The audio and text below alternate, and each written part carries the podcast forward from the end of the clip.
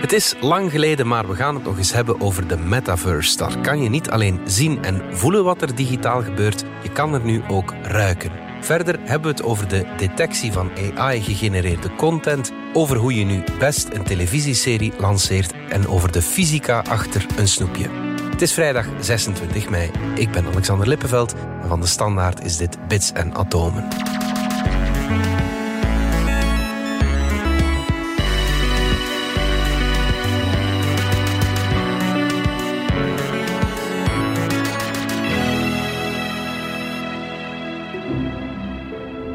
Wetenschapsjournalist Pieter van Doren en technologiejournalist Dominique Dekmijn. We gaan het nog eens hebben over de metaverse. Dat is uh, lang geleden.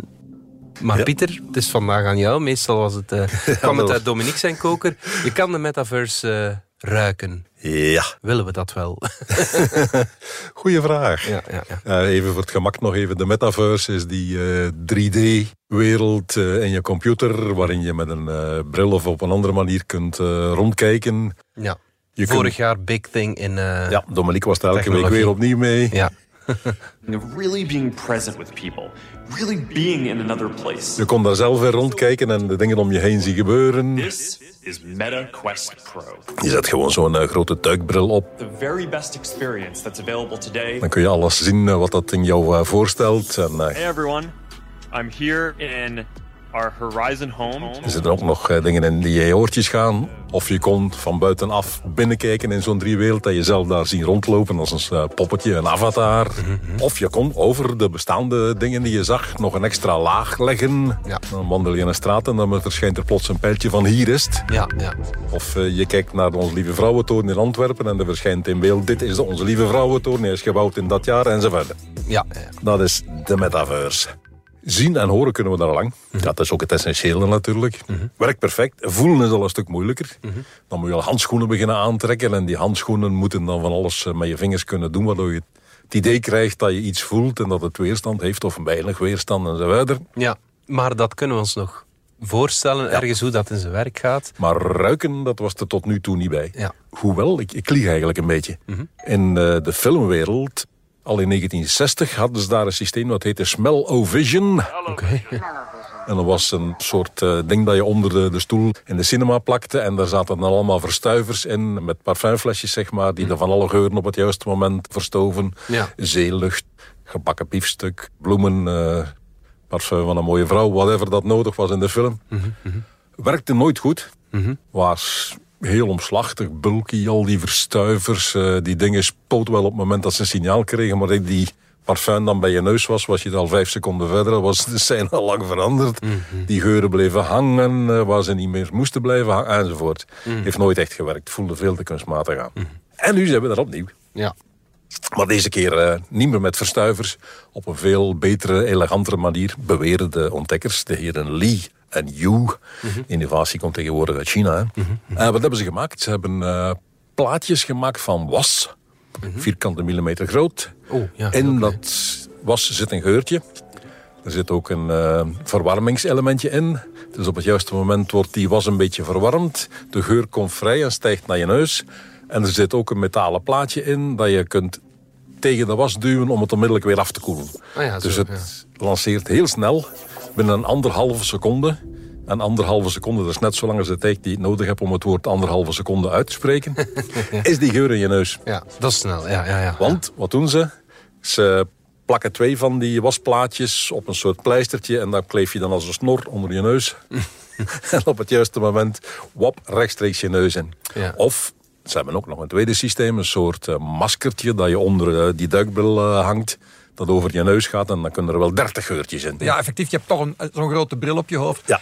AR of VR. De, de VR-bril, ja. Voilà. Dan hang je er nog eens... Uh, dan zie je er al gek genoeg uit. Ja. Hang er dan ook nog eens zo'n Dit geur. kan Maar, er ook nog maar wel je bij. zegt 30 geurtjes, dat, dat, dat is niet bijzonder veel, hè? Nee, maar je moet ook de combinatie van geuren tellen natuurlijk. Hè. Uh, als je sommige geuren combineert, krijg je iets heel anders. Mhm, Dus je kunt wel een eind komen. Maar inderdaad, 30 is nog steeds niet veel. Mhm. Nu, ze zeggen zelf, we kunnen de technologie heel binnenkort al uh, drie keer verkleinen. En we zijn aan het werk om ze tien keer te verkleinen. Mhm. Ah, ja. Dus dan kun je al een hele batterij van die uh, geurtjes gaan lanceren. Hè. Ja, ja, ja. En ze demonstreren nu al. Je ziet een filmpje van iemand die een bloem vastneemt en die naar de neus brengt. En wat je ruikt is een steeds sterker wordende geur. Ah ja, oké. ja. Naarmate de afstand. Dus eh, ze kunnen al aardig wat sturen. Wat hebben ze nu al? Eh, Ze hebben lavendel, jasmijn, ananas, groene thee, perzik, nog een reeks fruitgeuren. Ja. Maar ook karamel, mojito, Mojito, oké. Malibu, die eh kokosrumgeur. Ja, ja. Dus dan eh, kun je al beginnen hele leuke scènes Dat maken. zijn heel je specifieke mojito geuren.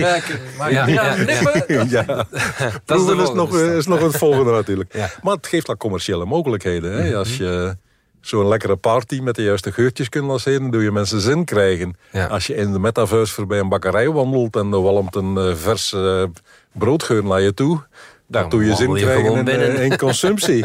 Ja. Ja. Eh, zelfs spreken de auteurs niet over eh, dat soort toepassingen. Zij hebben het wel over medische toepassingen, of, wat zij dan medisch noemen. Aromatherapie, Ah, ja. waar geuren zouden inwerken op emoties en zo. Mhm. Ze voeren dan ook wel een paar argumenten en studies aan die dat zouden moeten bewijzen. Nu, daar zit ook veel kwatje en bijgeloof tussen natuurlijk. Mhm.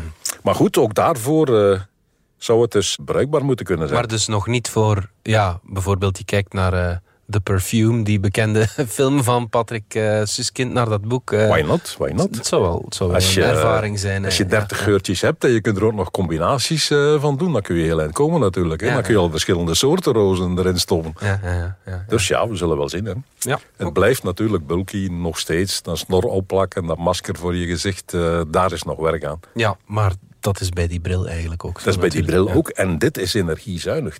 Ten opzichte van die verstuivers, die kun je niet veel meer verkleinen. Je hebt daar toch een minimumvolume voor nodig. Je hebt daar aardig wat elektriciteit voor nodig om die te bedienen. Tegen dit gaat met heel matige en heel zuinige technieken die vlot verkleinbaar zijn. Dus ja, Dominique, we zeiden het al, dat was vorig jaar big thing in eh, technologie, de metaverse. Hoe zit het daar nu mee? Want, eh, Wel, eh, ja, we zitten in de laatste dagen voor Apple zijn worp gaat doen eh, op dat vlak. Hè. Mhm. op, op 5 juni zou dat zover moeten zijn. Nu, Apple gebruikt niet graag de term metaverse, maar ze gaan wel degelijk... Nee, die is wel een concurrentie bril- natuurlijk. Ja, ja. is wel wat gekaapt, ja. Ze zijn vooral rond augmented reality bezig, maar in wezen eh, Mhm. worden die technologieën meestal ongeveer eh, samengegroepeerd. Dus ja, dat wordt eigenlijk het sleutelmoment. Hè. Die opwinding die Meta daar Mhm. een jaar lang over heeft kunnen creëren, dat is een beetje doodgevallen.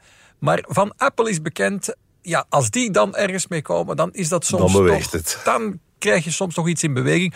Dus eh, alvorens wij de metaverse laten we zeggen, definitief dood verklaren, of minstens Mhm. voor een paar jaar, in winterslaap verklaren, eerst nog een weekje wachten, kijken waar Apple precies mee afkomt. Want dat weten we niet echt precies. We, we horen wel wat dingen. appelgeur, ja, wie en weet. da- dan gaan we veel meer weten. Dus eh, niet Wie de volgende het, aflevering, eh, ja. maar waarschijnlijk de aflevering daarna kunnen we er eh, echt eens over doorbomen. Dan hebben we het Ja. misschien over de, ja, de, de doorstart van de metaverse. Dat zou het kunnen zijn. Ja, goed.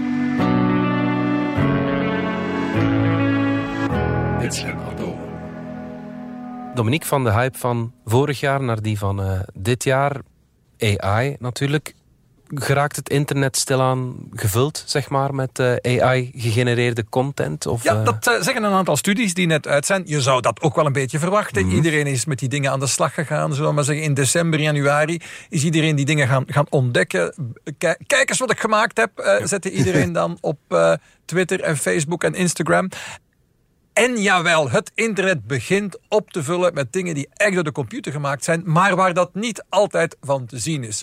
Ah, is dat erg? Het is in ieder geval verwarrend. Het is in ieder geval een nieuwe realiteit waar we rekening mee moeten houden. En dus ja, dan twee interessante studies die daarop wijzen. Eén, ja, daar hadden we enkele weken geleden al iets over gehoord. Het was een, een organisatie, een NewsGuard, die in de gaten houdt eigenlijk eh, wat er zo al rond fake news gebeurt. Maar die hadden gedetecteerd, die hadden een vijftigtal websites gevonden wereldwijd. Een vijftigtal web websites waarvan kon ze zeggen... het meeste nieuws daarop is eh, door iets als ChatGPT gemaakt. Niet noodzakelijk ChatGPT, maar Ah, een, taalmodel. En eh, dat hadden ze dan ontdekt eh, door te gaan zoeken naar de... zullen we maar zeggen, de stopwoorden van ChatGPT. Eh, eh, eigenlijk de foutmelding die die taalmodellen geven. Hè. Dus om bepaalde ongewenste antwoorden te voorkomen... is aan die dingen geleerd dat ze op bepaalde dingen moeten antwoorden van ja, daar kan ik als AI-model niks over zeggen. Eh, dat is vooral om bijvoorbeeld ehm, ja, alle, ja, sowieso racistische eh, ontsporingen, ja. maar bijvoorbeeld ook van die, van die ontsporingen waarbij dat ze allerlei gevoelens beginnen te uiten. Die ze worden niet geacht gevoelens te hebben. En dus dan zeggen ze altijd van ja, als een AI-model, Dat is dan, eh, als AI-model eh, kan ik daar niks over zeggen. Of als AI-model heb ik helemaal geen gevoelens. Of als, als AI-model heb ik geen toegang tot die informatie. Voilà, dus ja, dat komt Dat zijn de weer. foutmeldingen. Altijd diezelfde foutmeldingen. In alle talen trouwens. Ik kan het, kan, kan het in alle talen die hij spreekt doen. En dus eh, die onderzoekers hadden dat een tijdje geleden alles gedaan. Mhm. en, en ze hebben dat ja, gewoon nog eens gedaan. En nu nog veel meer van die sites gevonden. Daar Ja. gaat het eigenlijk om. En nu hebben ze er ondertussen een 150-tal sites gevonden. Eh, die grotendeels of zelfs volledig door AI zijn Mhm. gegener- gegenereerd. Wat ze doen is ze gaan op zoek op het internet naar dat stop Ja. woordje, eigenlijk die foutmelding van ChatGPT. Als een AI-model kan ik dat niet zeggen, mag ik dat niet zeggen, weet ik dat niet. En dan gaan ze op de websites waar die, dat zinnetje voorkomt, alle andere artikels onderzoeken met de instrumenten die bestaan. Eh, en er bestaan enkele instrumenten, geen heel goede, om te zien of de rest van de tekst ook allemaal eh machine gegenereerd is. stereotypen in zitten. Ja, maar dat is niet zo makkelijk. Hè? Kan je dat eigenlijk wel zien? En Moeilijk, maar je kan het soms wel. Als dus de mensen gewoon met cut en paste eh, de antwoorden van ChatGPT op een website zetten, foutmeldingen inbegrepen, dan Ja. kun je het. Dus als je zo slordig bent geweest, zien ze het dus wel. En dat hadden dus die mensen van NewsGuard gedaan. En een andere organisatie heeft eigenlijk eh, de afgelopen dagen iets heel gelijkaardigs gedaan. Die eh, organisatie heet Shadow Dragon. En die zijn niet bezig met fake news, maar met beveiliging. En ve- veiligheid op het internet. Die zijn bijvoorbeeld gaan kijken hoeveel tweets worden op die manier automatisch gegenereerd. Hoeveel eh, conversatie op LinkedIn. Hè? Dus soms is het ook duidelijk dat het om een chatbot gaat, maar vaak ook wel zijn het profielen die zich voordoen als profielen van mensen, Ja. maar waar toch duidelijk een chatbot achter zit. En dat begint dus meer en meer voor te komen. Dat is, je, je schrikt er niet van, maar het- dan ben je ergens nog blij dat we het nu kunnen zien. Omdat sommige mensen het zo slordig doen dat ze inderdaad die foutmeldingen van de chatbots mee online zetten. Ja, maar, maar, maar goed, als je een beetje eindredactie zeg maar, eh, doet op wat je online post, dan, dan, dan, dan des- is het niet te detecteren. Desnoods automatisch. hè. dus nu, ik- nu ik dit lijstje met zinnetjes heb die er niet in mogen staan eh, van Shadow Dragon, maar dat staat mooi in hun studie, dat is een interessante studie ja. Daar maak ik dan een filtertje van, zeg ik van als, als het antwoord deze zinsneden bevat, gooi het weg en genereer een nieuw. Eh, dus ja, nee, dat, dat is best wel oplosbaar. Maar het wijst wel op eh, een aantal belangrijke problemen. Een van de problemen is, en daar gingen die mensen van NewsGuard op, je mag niet zomaar alles vertrouwen wat je leest online, maar dat kan. Het hoeft niet echt door een mens te zijn geschreven. Nu vind ik op zich dat nu niet zo'n overtuigend argument. Het is nu gemakkelijker om iets te schrijven dan het niet waar is. Er stond al best veel op het internet Ja. dat niet waar was. Ja. Daar hadden we echt geen ChatGPT voor nodig. Nee, Donald Trump was voldoende. Ja, voilà. Dus, eh, dus op zich niet nieuw. Ze zeggen van ja, het is nog gemakkelijker om dingen te schrijven die onwaar zijn. Dat klopt. En ook dingen die waar zijn, zijn ook gemakkelijker te schrijven. Nu, alles is nu makkelijker te schrijven. Wat vooral betekent dat je veel, veel meer tekst hebt. En het gaat natuurlijk niet om tekst alleen. Het gaat ook om beelden, valse foto's. Waar vroeger een heleboel Photoshop eh, skills voor nodig waren en een paar uur werk, dat kun je niet in enkele seconden met de software van Midjourney. Nu, degene die eh, voor dat soort fotorealistische namaakfoto's ja, gebruikt wordt. Dus ik vind dat op zich niet zo'n eh, zorgwekkende ontwikkeling op zich, dat het nog iets gemakkelijker wordt. Wie echt mensen wil misleiden met kwaad opzet, die had daar vroeger ook wel de middelen voor. En dan ja, dat mensen gewoon eh, wat onzin produceren. Goh, ja, de, eh, maar het is wel zo. Het, het, het internet vult zich daarbij op. En een andere vrees die men daarover kan hebben, is dat de volgende generaties van die eh, g- grote transformer-modellen, ja, die trainen zich op, op wat ze op het internet aantreffen. Dat meer en meer van wat ze aantreffen eigenlijk gegenereerd is door de vorige generatie modellen. En dan heb je zo de vrees van, goh ja, die modellen gaan zich trainen op dingen die lijken op echte afbeelding, maar waar bij nader toekijken iets mis op is. En op teksten die zinnig klinken, maar waar eigenlijk ook inhoudelijk iets fout mee is.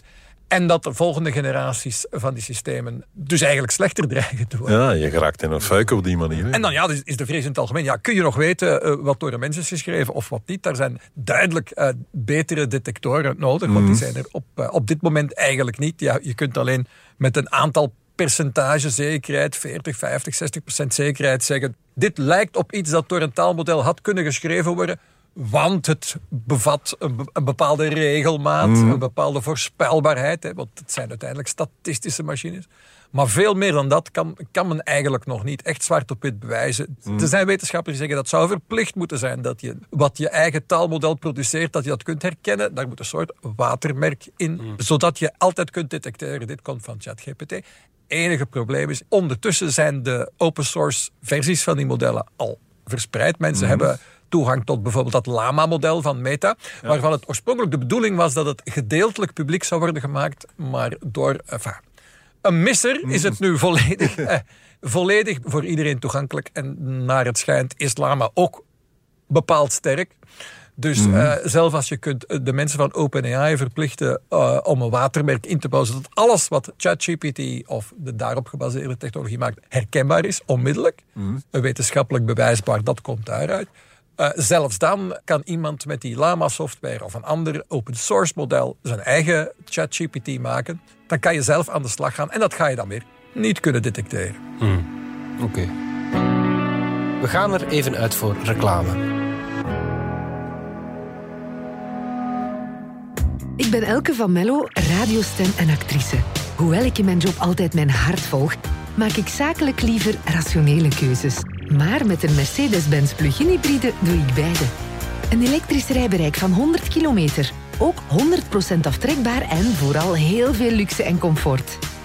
Laat onze Heden Automotive specialisten ook u informeren waarom u best nog voor 1 juli uw Mercedes-Benz plug-in hybride bestelt. Meer info op hedenautomotive.be.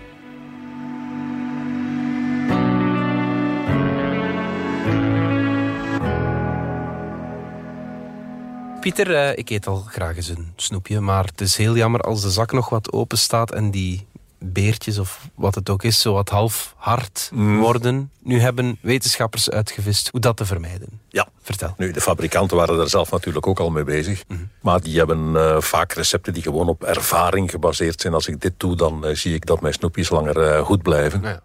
Nu hebben een paar mensen van de Universiteit van het Midden-Oosten onder andere is de fysica van die gummibeertjes echt bekeken van wat zijn de regels, wat zijn de wetten die daarachter zitten, wat heeft effect op wat en hoe kunnen we proberen om die, die beertjes inderdaad uh, langer bewaard uh, te krijgen. Mm. Uh, laten we beginnen. Gummibeertjes, scheikundig gezien is dat een gel. Mm -hmm.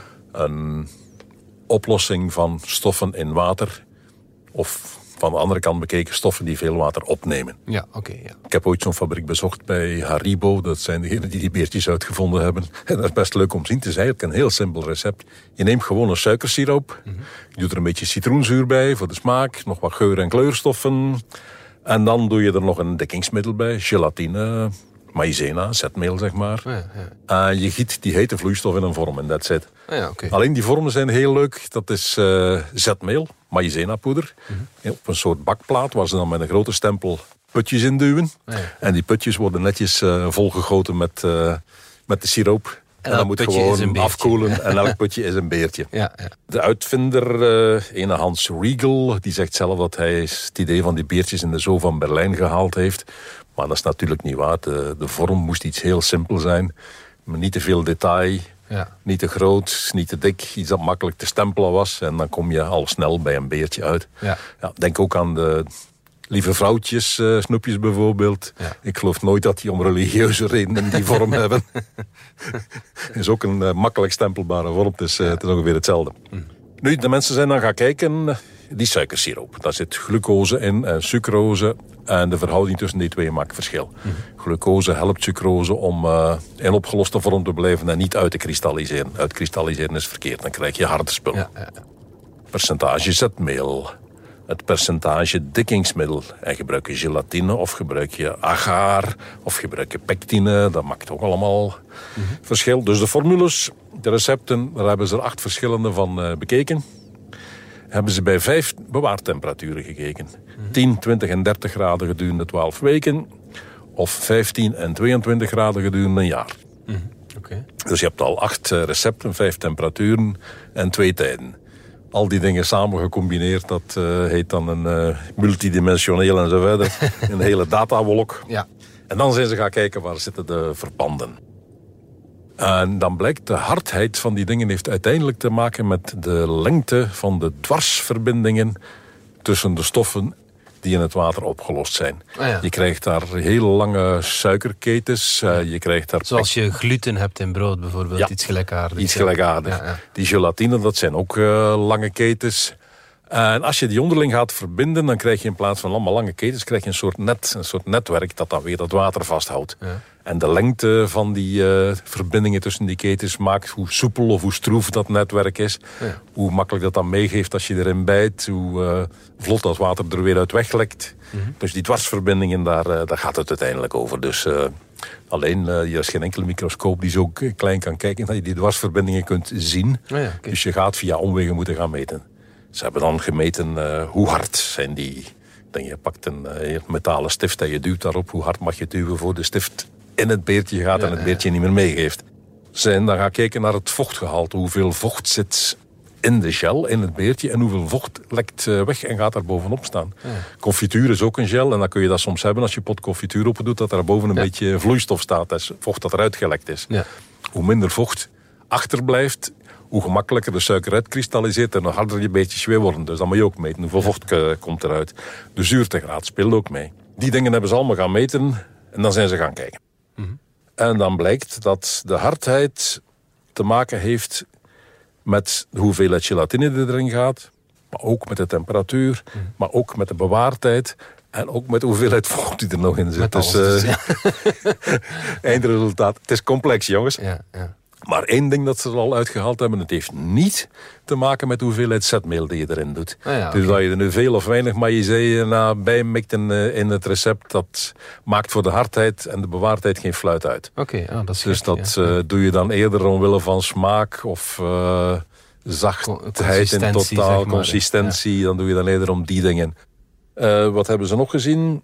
Veel gelatine blijft toch wel het handigst. Ze hebben gemeten bij 3% gelatine en bij 6% gelatine. En die met meer gelatine blijven toch wat langer goed. Behalve in en zo verder. En dan gaan we weer. Hè. Mm, ja, ja, okay. Dan wordt het weer ingewikkeld. Uh, ook hebben ze gezien niet te veel glucose toevoegen. Ja, oké. Okay. Dus ze hebben toch wel iets geleerd. Nu gaan ze in vervolgonderzoek gaan ze gaan kijken naar de vorm. Want hoe dikker zoiets is, hoe meer de kern nog vochtig is, terwijl de buitenkant al uh, uitdroogt. uitdroogt. Ja, ja. Dus die dikte speelt zeker mee. Ze gaan ook kijken naar de soort verpakking. De klassieke ijzeren doos. Of uh, de huidige plastic verpakkingen. Of moet je het in een blisterverpakking ja, en zo verder. Ze gaan ook kijken, als je meer plantaardige formuleringen gaat gebruiken... voor mensen die vegan zijn en zeggen... ik wil geen dierlijke gelatine in mijn snoep. Mm. Dat kan, dat kun je agar-agar gebruiken. Dat komt uit uh, zeewier. Mm. Dat heeft ook weer effect op uh, dikheid en taaiheid en zo verder. Ja, ja. Dus dat gaan ze nu allemaal onderzoeken. Ja. Dus we zijn er nog niet. Voorlopige conclusie, het is complex, jongens. En voorlopige conclusie, snel opeten, die snoepjes.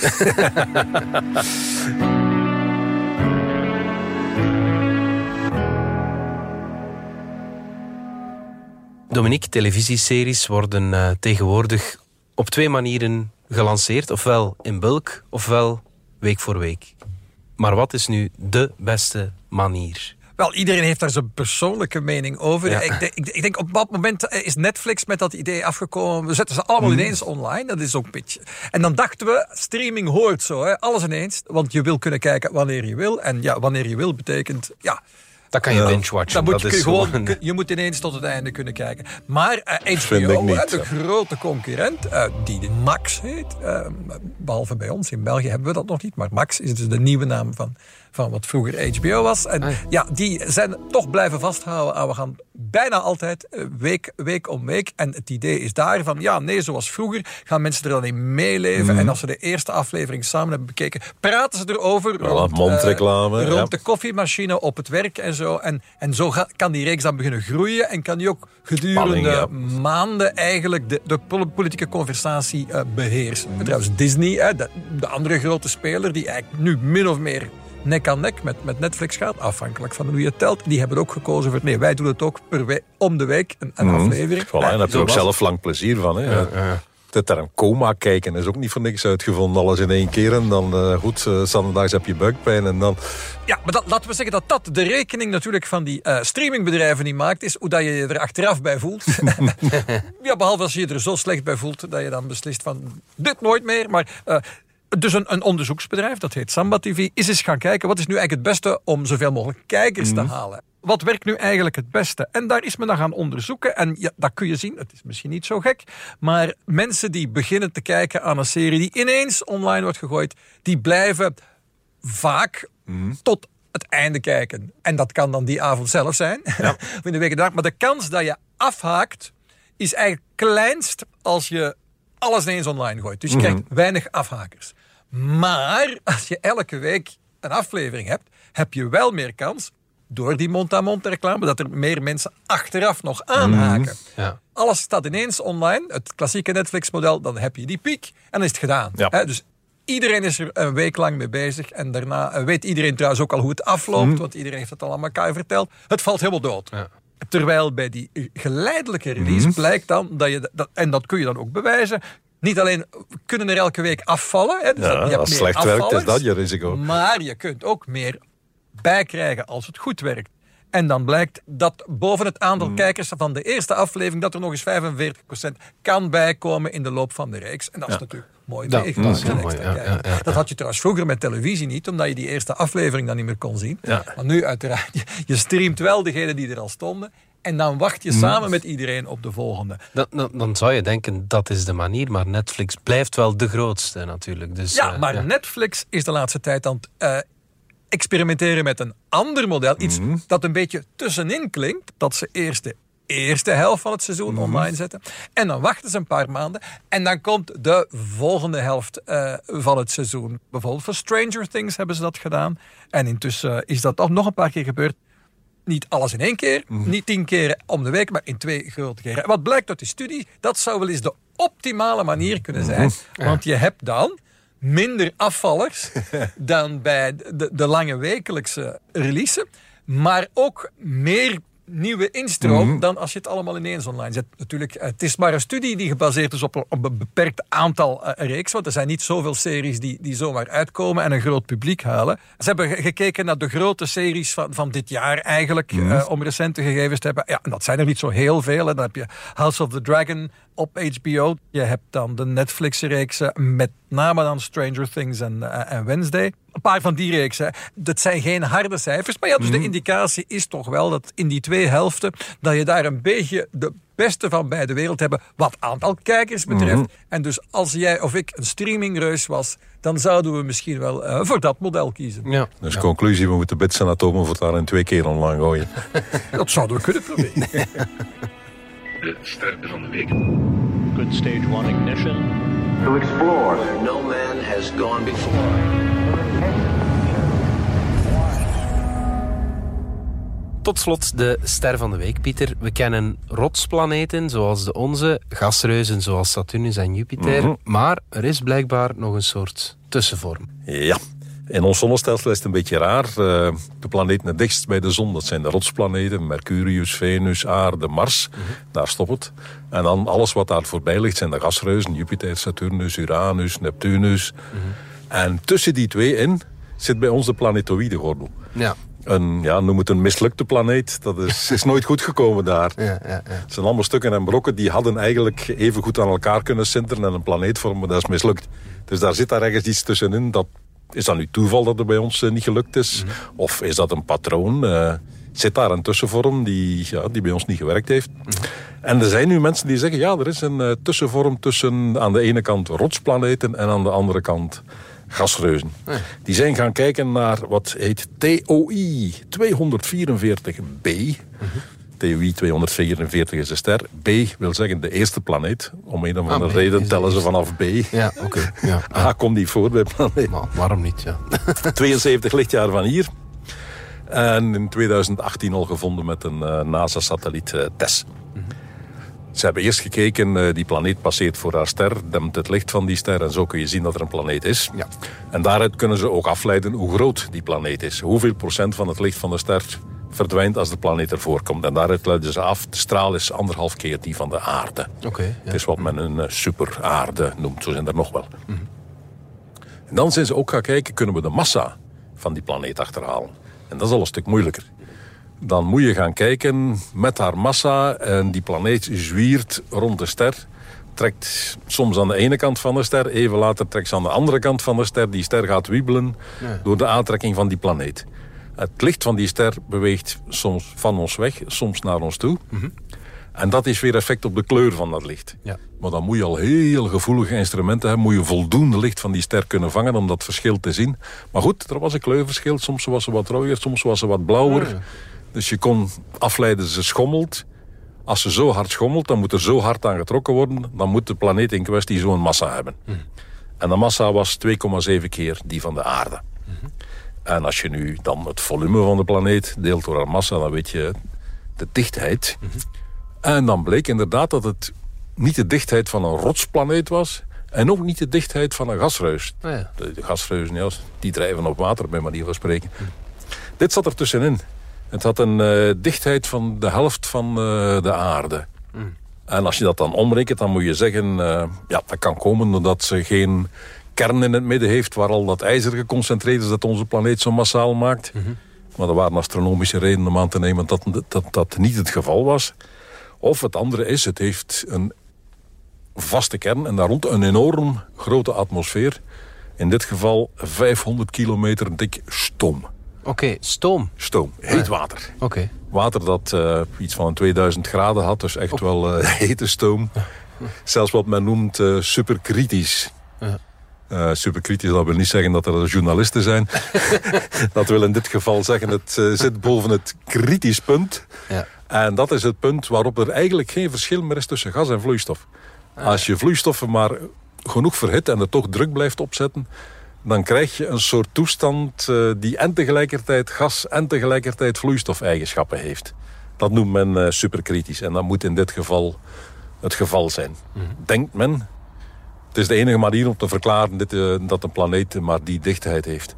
Alleen, we hebben nooit aangetoond dat daar water zit. Nee, ja, Misschien is het wel een eh, 500 kilometer superkritisch alcohol, ik zeg maar iets. Ja. Dus de volgende stap is nu gaan kijken... is dat inderdaad water Ja. op die planeet? Dat moet lukken. Met eh, de James Webb-telescoop die nu eh, in de ruimte zit... moeten we dat verschil kunnen zien. En dan weten we toch alweer een stuk meer. Volgende vraag. We hebben daar nu een raar geval. Maar is dat eh, ja, de uitzondering die de regel bevestigt? Of is dit inderdaad een bewijs dat er een tussenvorm van planeten is? Mhm. Als het een tussenvorm is, moeten we er nog vinden. Ja. En ze zijn aan het zoeken gegaan en ze hebben er ondertussen al eentje. Kepler 138d. Ja. En die heeft een straal van anderhalf keer de aarde en een massa van twee keer de aarde. Dus dat is ook zo'n uh, eile. Ja. En nu is het uh, wachten tot er nog binnenrol. En dan gaan we inderdaad kunnen zeggen, planeten bestaan in drie soorten. Ja. Gas, Afwachten. rots en stoom, zeg Ja, maar. sauna, zeg maar. Sauna, voilà. Goed, dankjewel. Oké. Yes, we've got it. Dit was Bits en Atomen, onze wekelijkse podcast over wetenschap en technologie. Bedankt voor het luisteren. Alle credits van de podcast die je net hoorde vind je op standaard.be-podcast. Reageren kan via podcast.standaard.be. Volgende week zijn we er opnieuw.